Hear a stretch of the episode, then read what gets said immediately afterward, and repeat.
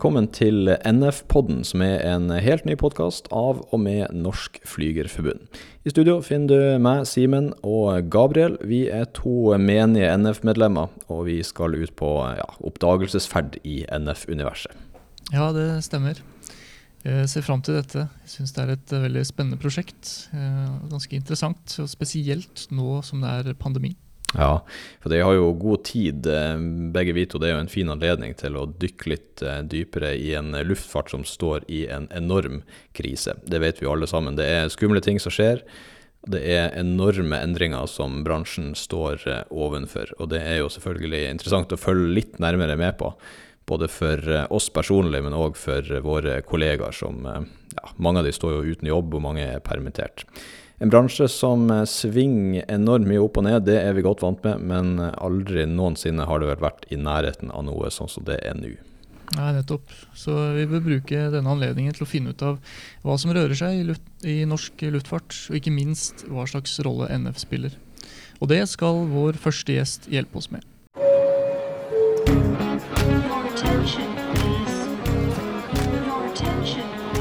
Vi vil jo utforske NF-universet, og for å få litt oversikt så starta vi helt på toppen. Derfor så vil vi ønske velkommen til leder i Norsk Flygerforbund, det er Yngve Karlsen. Tusen takk. Du, bare for Nå skal vi forstå litt av Flygerforbundet og hvordan det er bygd opp og hva det egentlig er for noe. Kan du bare si noen ord om hva er egentlig Norsk Flygerforbund? Det kan jeg gjerne gjøre. Eh, Norsk Flygerforbund det, det, er jo et profesjonsforbund for yrkesflygere i Norge. Det er eh, en ganske gammel dame. Det ble etablert allerede i 1948. Og organiserer hele bredden av yrkesflygere i norsk luftfart. Altså fra tungt eh, helikopter offshore i Nordsjøen, innenlandshelikopter, luftambulanse, både rotorving og fikstving, i tung luftfart, i regional luftfart, altså Widerøe eh, business jet-segmentet, de som utdanner yrkesflygere, altså flyskolene osv. Så sånn. eh, Norsk Flygerforbund er også et av LOs 25 eh, forbund. Så, så som sagt eh, en eh, gammel, ærverdig dame, 1948, som organiserer hele bredden av norsk luftfart. Mm. Sånn i forhold til eh, å snakke med lovgivere da, og Stortinget og politikere, og alt sånt, hvordan Eh, hvordan gjør dere det? Hvordan når dere inn til, til de folkevalgte? Ja, altså, I forhold til forbundets oppdrag da, så blir det jo helt grunnleggende som vi alltid har gjort, det å levere balanserte kollektiver, altså tariffavtaler. ikke sant? Men så pga. at du har denne eh, konkurransen som er til dels usunn i Europa, da, så er du nødt til å påvirke rammebetingelsene. Og det, det, Da må du nå inn til beslutningstagere. Ikke bare nasjonalt, men også regionalt og globalt. Og For å starte i, i det nære bildet. Da, eh, det var en av hovedårsakene til at Norsk Flygerforbund i 2015 valgte å bli et LO-forbund. Eh, før det, og som jeg har sagt ble grunnlagt i 1948, så var jo det et med interesseforbund for, for yrkesflygere. Og eh, Før dereguleringen så var det ikke noe behov for å påvirke rammebetingelsene. Fordi at man forhandlet gode tariffavtaler innenfor rammen av hvert enkelt selskap. Og Så kom denne dereguleringen med den usunne konkurransen. og Da ble det behov for å være en del av noe større nettopp for og Hele det prosjektet het vel Einar Gerhardsens plass nummer én, som begynte da sånn på, i 2008 omtrent. Eh, det å få påvirke beslutningstagere nasjonalt. Og det er klart at Som LO-forbund så når man helt opp. Og Det betyr at uh, gjennom de årene vi har vært i LO siden 2015, og den stemmen vi har, så blir vi i dag lyttet til fordi vi er en del av det store. Og fordi vi blir sett på som en seriøs uh, arbeidstagerorganisasjon og et flygerforbund som leverer på en måte god argumentasjon til hva og hvorfor ting må være sånn. Så Det er det rent nasjonale. Og så er vi jo da også medlemmer av en europeisk føderasjon, altså European Cockpit Association, der de nasjonale flygerforbundene i Europa, det er ett fra hvert land, har da ti ansatte i Brussel som driver lobbyvirksomhet mot EU-institusjoner og EASA, altså som regulerer på en måte regelverket for europeisk luftfart. Samtidig som vi har en global paraply, International Federation of Airline Pilots Association, med sete i Montreal, som da har også da to seter i ICAO, som er eh, FN-organet som regulerer standarden i luftfarten.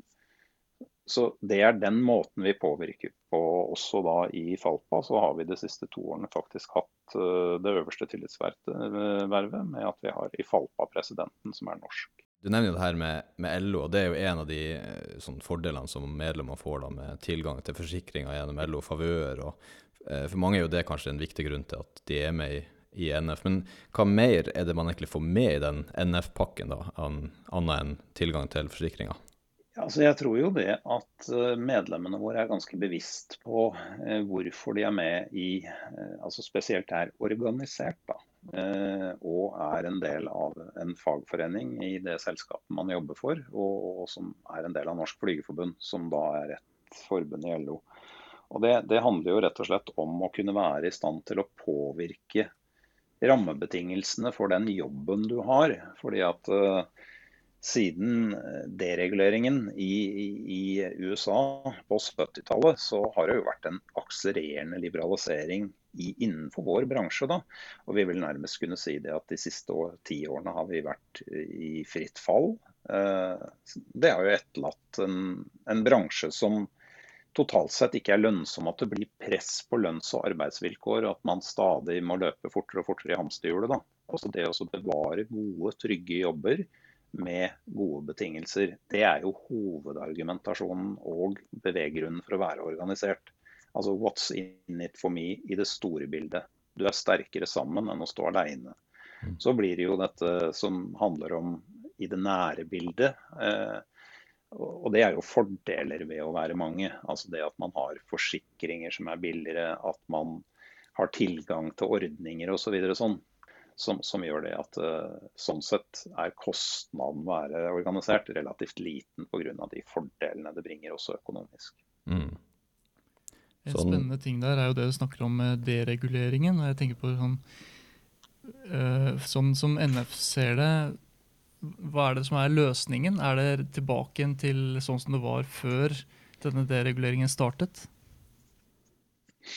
Nei, jeg tror det er vanskelig å skru historien tilbake. Men hvis man skal se litt på hva som har skjedd, da, det at altså, luftfart har blitt en konstruksjon der man har mulighet til å konkurrere fritt, altså kapitalen konkurrerer fritt, i noe som blir en stadig eh, mer usunn konkurranse som ikke er rettferdig. Der det egentlig er arbeidstakerne som kjemper om eh, på en måte smulene. da. Eh, det var jo dereguleringen spesielt i Europa som er mer komplisert enn i USA. For det er ganske ryddige forhold i USA. Altså, der gikk jo de store flyselskapene konkurrerte jo hverandre til at all, hele næringen gikk konkurs og måtte reddes av skattebetalerne eller staten. da. Og så fikk man konsolidert, og så fikk store bærekraftige enheter der det er eh, ja, gode forhold, stabile jobber osv. Så sånn I Europa, så, altså i motsetning til 100 flyselskap i USA, så 200 i Europa.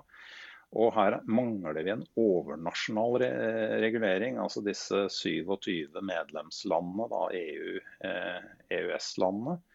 Og et, eh, i et Europa der de fri, fire friheter og altså etableringsretten og kapitalen flyter fritt, men der det er nasjonal lovgivning som regulerer arbeidsmiljø og trygd eh, og skatt osv. Så sånn, så er det muligheter for selskaper, og da var det jo da spesielt disse lavprisselskapene med Ryanair i spissen, som tok seg til ansattemodeller som da utfordrer dette med gode og trygge jobber, eh, som, som, ble et stort problem i Europa. Altså, der, Har dereguleringen vært vellykket? Og svaret på det er både ja og nei. Ja, riktig. Dereg dereguleringen i USA, som var først, altså 1978, førte jo eh, USA hadde verdens best fungerende luftfartsinfrastruktur. Så kom dereguleringen, alles kamp mot alle, og som brakte en hel industri i konkurs, altså beskyttelse, og måtte reddes av skattebetalerne. Man lempet da kostnaden for pensjonsforpliktelser og alt over på fellesskapet, Og så fikk man disse store enhetene som da begynte å tjene store penger. ikke sant? Men man hadde en mye dårligere luftfartsinfrastruktur. Gjennom dereguleringen f.eks. så mistet stor, en stor by som Kansas City sin flyforbindelse to ganger. Så altså, du kom ut, og så kan du på en måte si det at i USA i dag så er det relativt dyrt å fly. Sånn at man forsøkte å få konkurranse, og fikk konkurranse til det gikk i konkurs. Det ble billig å fly, og så måtte dette reddes. Og så ble det igjen dyrt å fly, med en dårligere infrastruktur. Mm. Så det var vel kanskje ikke så vellykka der borte. Hvis du ser på hvor mange som flyr i Amerika i dag, eh, pre-covid i forhold til i 1978, så er det jo mye flere flyreiser. da. Og så kan du jo spørre er det bærekraftig miljømessig f.eks. I hvert fall, vet ikke. I Europa 200 mm. flyselskaper. En mye hardere konkurranse, mangel på et føderalt nivå osv. Så sånn. Den forståelsen av at det, altså deregulering, altså, altså både ja og nei, det er jo selvsagt, vi, jo, vi, er jo for konkurranse. Vi jakter jo priser om vi sjekker vi skal kjøpe en ny TV eller bytte et kjøleskap osv. Så, sånn, så ser vi jo, Det er jo transparent. Det er jo internett som har gjort dette på den måten. Men det tilbys jo priser som helt åpenbart ikke bærer kostnaden. Mm. Ja, er det og, og, det er jo en del av Unnskyld. Eh, jeg bare tenkte på at Det er kanskje naivt å tro at dette ikke til syvende og sist også vil gå utover flysikkerheten? Ja, Det er helt riktig, for alle skjønner jo det. At hvis du kan kjøpe en flybillett til 199 kroner til Malaga, ja, så er jo det nice. Men alle skjønner jo at det er jo ikke bærekraftig. For den flymaskinen du sitter om bord i, den koster jo 500 millioner kroner. Og det er ansatte som skal ha lønn og pensjon. Og det er kapitaleiere som har investert i bransjen som faktisk skal være i stand til å få eh, fortjeneste på investeringen. Altså det å drive luftfart. Da. Det er jo viktig at det går fly mellom A og B, at du kan komme deg rundt. Og, og det er jo klart det at eh, når det blir såpass stort press i bransjen at du får atypiske ansettelser, altså at du faktisk jobber som kontraktspilot der du bare får betalt for de timene du sitter i cockpit, eller at det er et såpass stort press på arbeidstid, altså lange dager, og det blir mye tretthet i bransjen, så går dette utover nettopp det som har vært kjennetegnet for luftfart. Flysikkerhet. Vi har en veldig god flysikkerhetsstatistikk, og den, det, det er jo bygget opp gjennom nitidig flysikkerhetsarbeid gjennom årtier. Men den konkurransen som vi opplever i dag, der det er press, alles kamp mot alle mot bunnen, der det er individet som jobber om bord, som presses på den måten til at vi kan faktisk få en annen, helt annen flysikkerhetsstatistikk i framtiden. Og derfor er det viktig å jobbe med disse sakene i det perspektivet også. For dette handler om flysikkerhet. Og det tror jeg passasjerene de forstår. Eh, vi er jo en yrkesgruppe som har veldig høy grad av tillit. Passasjerene våre stoler på oss når vi lukker døra, og at de kommer fram eh, trygt fram. Men eh, med det som på en måte skjer i en sånn konkurransesituasjon som vi har i dag, så er det mange bekymringer som vi trenger å jobbe med for at det skal fortsette, og at den statistikken skal være såpass god som vi har opplevd å ha den de siste ti årene. Nå så er det jo en såpass spesiell tid i historien med tanke på pandemien. Så eh, hvordan luftfarten eventuelt uh, ser ut, eller hvordan den kommer til å være på, på, andre siden. Det bare virker på meg som at det, selv om det er en krise, så burde det også være en tid med muligheter for stor endring. Ja, altså Det som er, blir vesentlig, da, er at den store endringen ikke blir eh, altså de ansatte som får regningen for den endringen som skal. fordi at eh, Dereguleringen har jo brakt en bransje i et nærmest fritt fall, som jeg sa. Der, eh, mot et nivå der til slutt ingen tjener penger. Altså overkapasitet. Det er jo det at man er villig til å selge en flybillett for under 100 kroner, slik at det lønner seg å flytte til Riga og klippe av gårde. Det er ikke bærekraftig. Slik at det som man er nødt til å besørge, og det er jo den stemmen som vi har når vi snakker om dette i de ulike fora, både nasjonalt, regionalt og globalt, at det må være en luftfart som er bærekraftig. Og det langs tre akser eller pilarer. Det må både være en miljømessig bærekraft. Det er fordi at flypriser, selv om det er hyggelig for forbrukeren å ikke betale noe for en flybillett, så er det jo åpenbart for alle at det å betale 200 kroner for en flybillett til Palma de Mallorca, når det koster eh, 190 kroner én vei med flytoget til Oslo lufthavn, ja, det bærer ikke kostnadene. ikke sant? Det er heller ikke miljømessig bærekraftig å ha en oval Viken i New York, når du ser på det karbonavtrykket som man etterlater seg. Det er jo nice, det er hyggelig, men man kan ikke gjøre det for en oval Viken og fem ganger i året.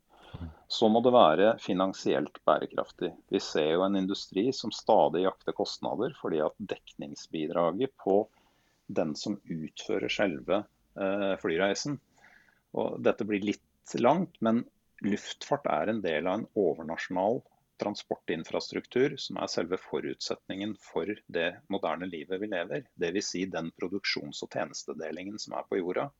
Og Derfor så må den infrastrukturen fungere det at du har under 2% dekningsbidrag hos flyselskapene, mens alle aktører i næringen totalt sett har ganske gode dekningsbidrag, ja det er ikke bærekraftig. Så det må altså bli en finansiell bærekraft i luftfart. Dvs. Si at flybilletten kan ikke koste mindre enn kaffekoppen på lufthavnen.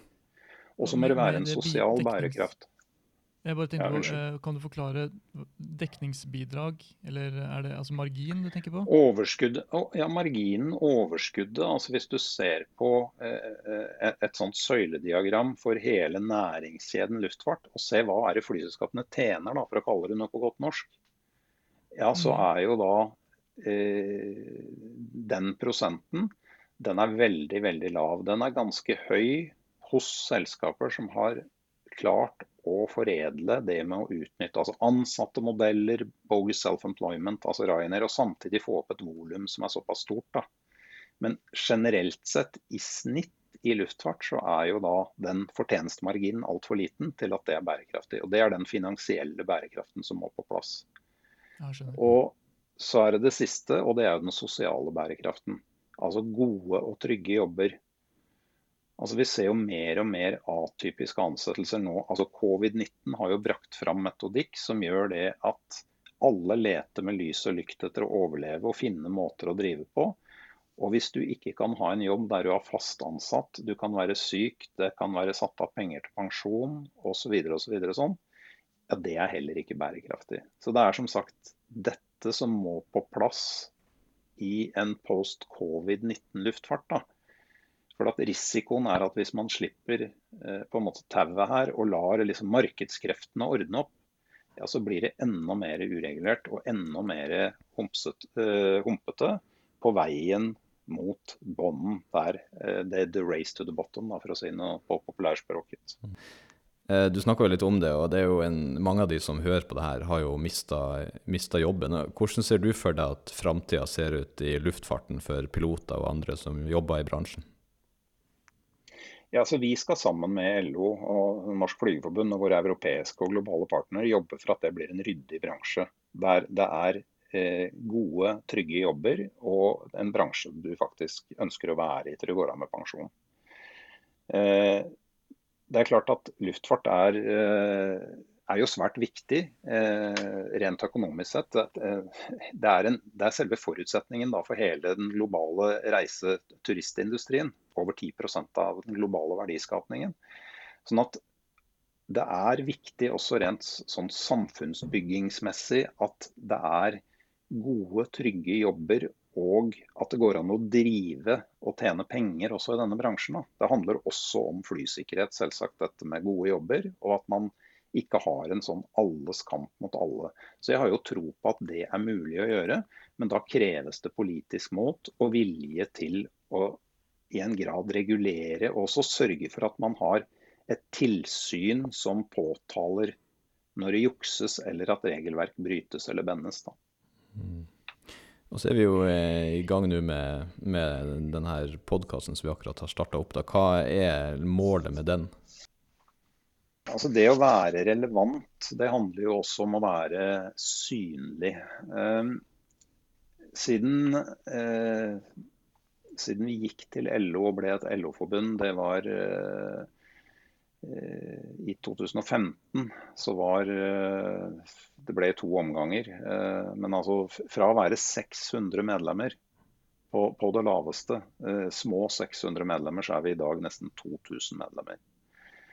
Eh, den reisen der, det har handlet om å være relevante. Dvs. Si, ikke fly etter medlemmene med medlemsinnmeldingsblanketten mm, og si skal du melde deg inn her, så skal du få si eller så. Men det er å gjøre en jobb som syns. Altså være en tydelig stemme, slik at medlemmene kom til oss eh, på en måte nærmest automatisk. Fordi at de så at her var det noen som gjorde en jobb som ivaretok deres interesser altså innenfor det yrket man hadde valgt, på ulike områder. Og så Der har jo vi blitt en ganske tydelig stemme. Vi har deltatt mye både i debattprogrammer nasjonalt, altså etermediene. Vi er eh, relativt synlige når det gjelder eh, avisartikler og, og, og, som handler om luftfart og det som er relevant på vårt område. Og, det, og, Det er jo også en del av det å nå ut, eh, slik at medlemmene ser her er noen som faktisk gjør en jobb som jeg er interessert i at skal bli gjort. Og det er klart at en podkast, da kan vi jo snakke om eh, på en måte, ja, i en sånn situasjon som dette, da. Mm. Hva er det, og mm. hvorfor er det vi gjør det vi gjør? Og det er jo klart at eh, jeg formoder jo at medlemmene her da i første omgang vil ha interesse og synes at For de lurer vel på hva er det egentlig vi driver med i stort. Og da i en sånn type podkast-serie hvor man kan snakke om det fra det store bildet til de mindre nære tingene, det er en del av å være relevant og vokse eh, og bli flere medlemmer. For det er jo det som gir oss den nødvendige slagkraften. Det er jo økonomi, altså slik at vi har ressurser til å kunne gjøre en bedre og bedre jobb for medlemmene.